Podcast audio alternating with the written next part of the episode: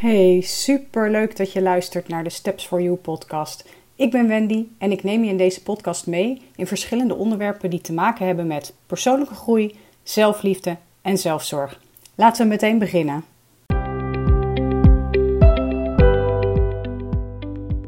Hallo, hallo. Super leuk dat je weer luistert naar een nieuwe aflevering van de Steps for You podcast. Vandaag ga ik het met je hebben over angst. Ehm, en wat je heel vaak hoort, en daar ga ik het specifiek over hebben, is je angst aan de kant zetten. Daar wil ik het vandaag met je over gaan hebben. Nieuwe dingen doen kan angst oproepen. En als jij dat ook hebt, dan ben je daar zeker niet uniek in. Heel veel vrouwen hebben daar last van. En misschien ken jij het ook wel. Je bent bang om te falen, je bent bang om voor paal te staan, je bent bang voor het onbekende. Noem maar op. Zo zijn er een heleboel dingen waar je bang voor kunt zijn met het aangaan van nieuwe dingen. Door die angst kan het gebeuren dat jij verlamt, waardoor je die nieuwe dingen niet aangaat. En als dat dingen zijn die je wel heel graag zou willen doen, uh, bijvoorbeeld iets nieuws leren of uh, iets veranderen in je leven, dan kan dat ook nog steeds angst oproepen. Je wilt het graag en er is angst. Wat dan? Je gaat piekeren over hoe je het kunt doen. Je voelt je gespannen, je slaapt slecht, uh, doordat je het niet kan loslaten. Nou, allemaal dingen die helemaal niet zo gek zijn als je iets nieuws wilt gaan doen of iets wilt gaan veranderen. Waar komt nou die angst voor dat soort dingen vandaan? Iedereen is wel eens angstig voor nieuwe dingen. En de een is dat meer dan de ander. Um, maar waarom heeft de een er nou meer last van dan de ander? En um, waarom laat de een zich er vaker door tegenhouden dan de ander? Nou, dat is natuurlijk niet helemaal uh, specifiek zo te zeggen, maar er spelen een aantal dingen in mee. En uh, daar wil ik je even in meenemen om je iets meer achtergrond te geven uh, over dat stukje angst.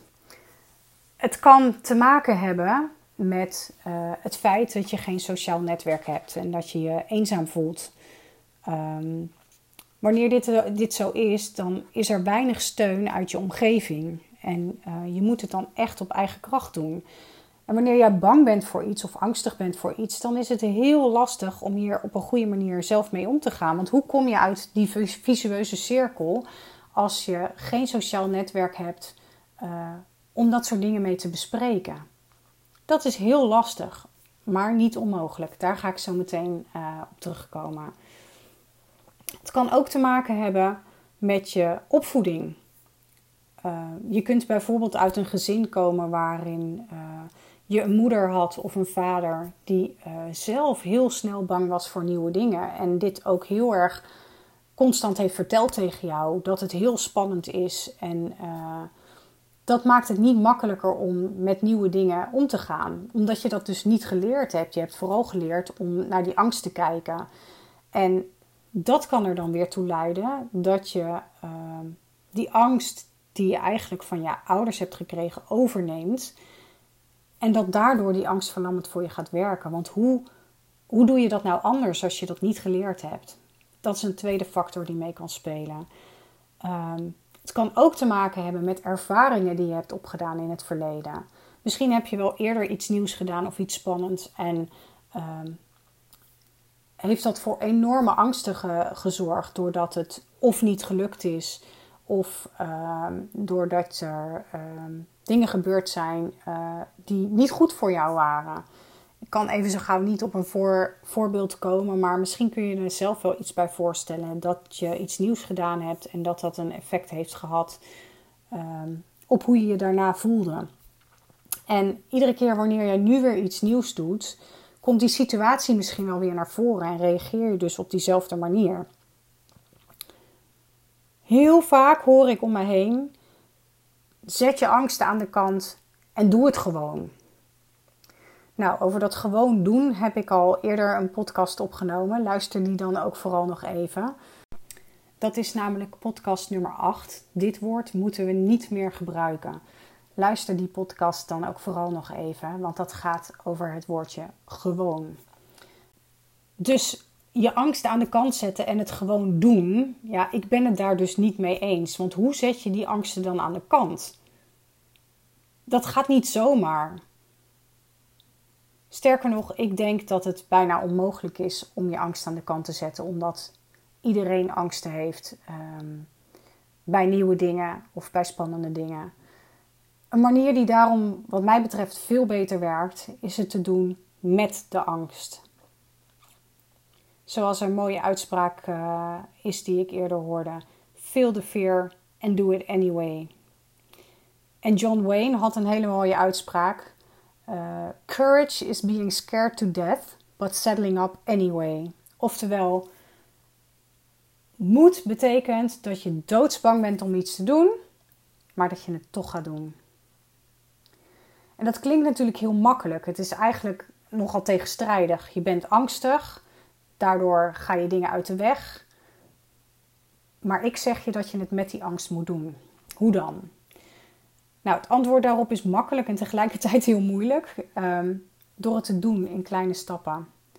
Verwacht vooral niet van jezelf dat je in één keer van A naar Z gaat. Zet kleine stapjes, maar doe het.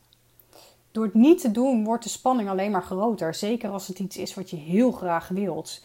Je wilt heel graag dat nieuwe spannende ding doen, maar je, je vindt het eng.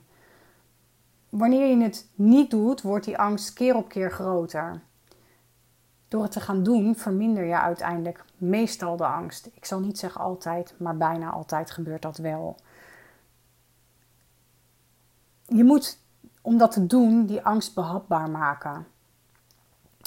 Toeleven naar het moment dat je die eerste stap gaat zetten, ondanks de angst, zorgt vaak voor dat de spanning toeneemt. En dat is nou juist wat je niet wilt.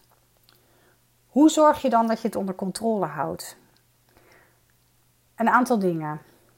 En volgens mij heb ik ze al veel vaker gezegd en ik kom er weer op terug. Ga wandelen.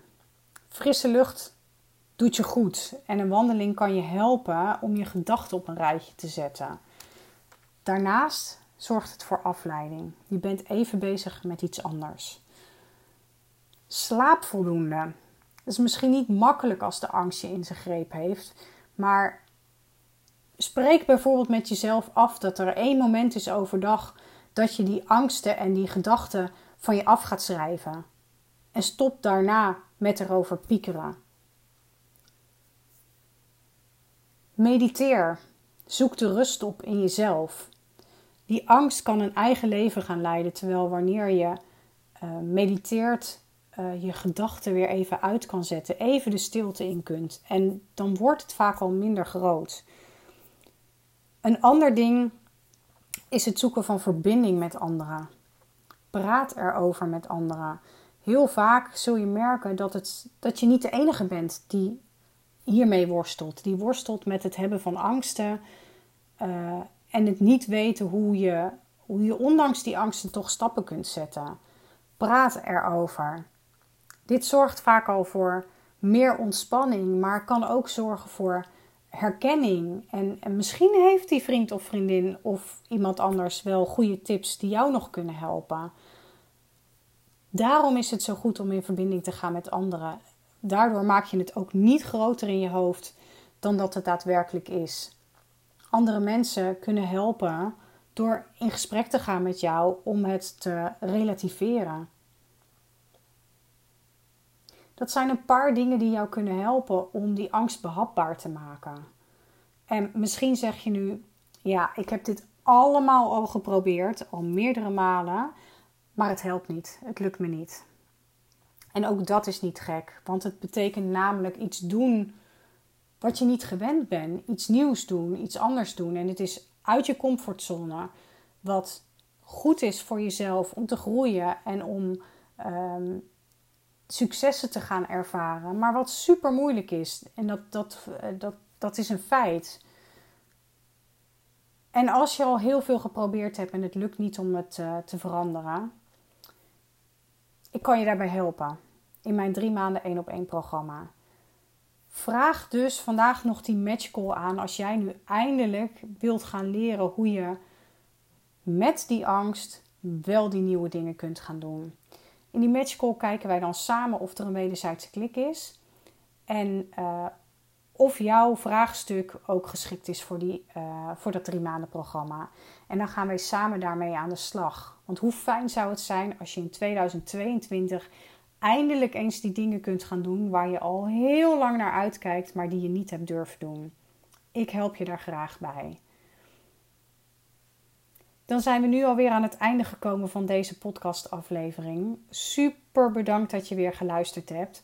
Mocht je deze aflevering nou interessant vinden, dan zou ik het heel fijn vinden als je, uh, als je dit met me deelt. Uh, deel het ook gerust op Instagram in je stories. Tag me daar ook even in alsjeblieft. Dan kan ik het uh, ook delen. Of dan kan ik in ieder geval reageren op je story. En mocht je de podcast nou interessant vinden, laat dan even een review voor me achter in de Apple Podcast app of in de Spotify app, waar je tegenwoordig ook een, een review kunt achterlaten. Je helpt mij daar enorm mee. Maar niet alleen help je mij daarmee, je helpt ook anderen om mijn podcast makkelijker te kunnen vinden. Dus dat zou ik super tof vinden. Alvast bedankt als je dat wil gaan doen. En sowieso bedankt voor het luisteren. En uh, tot de volgende aflevering.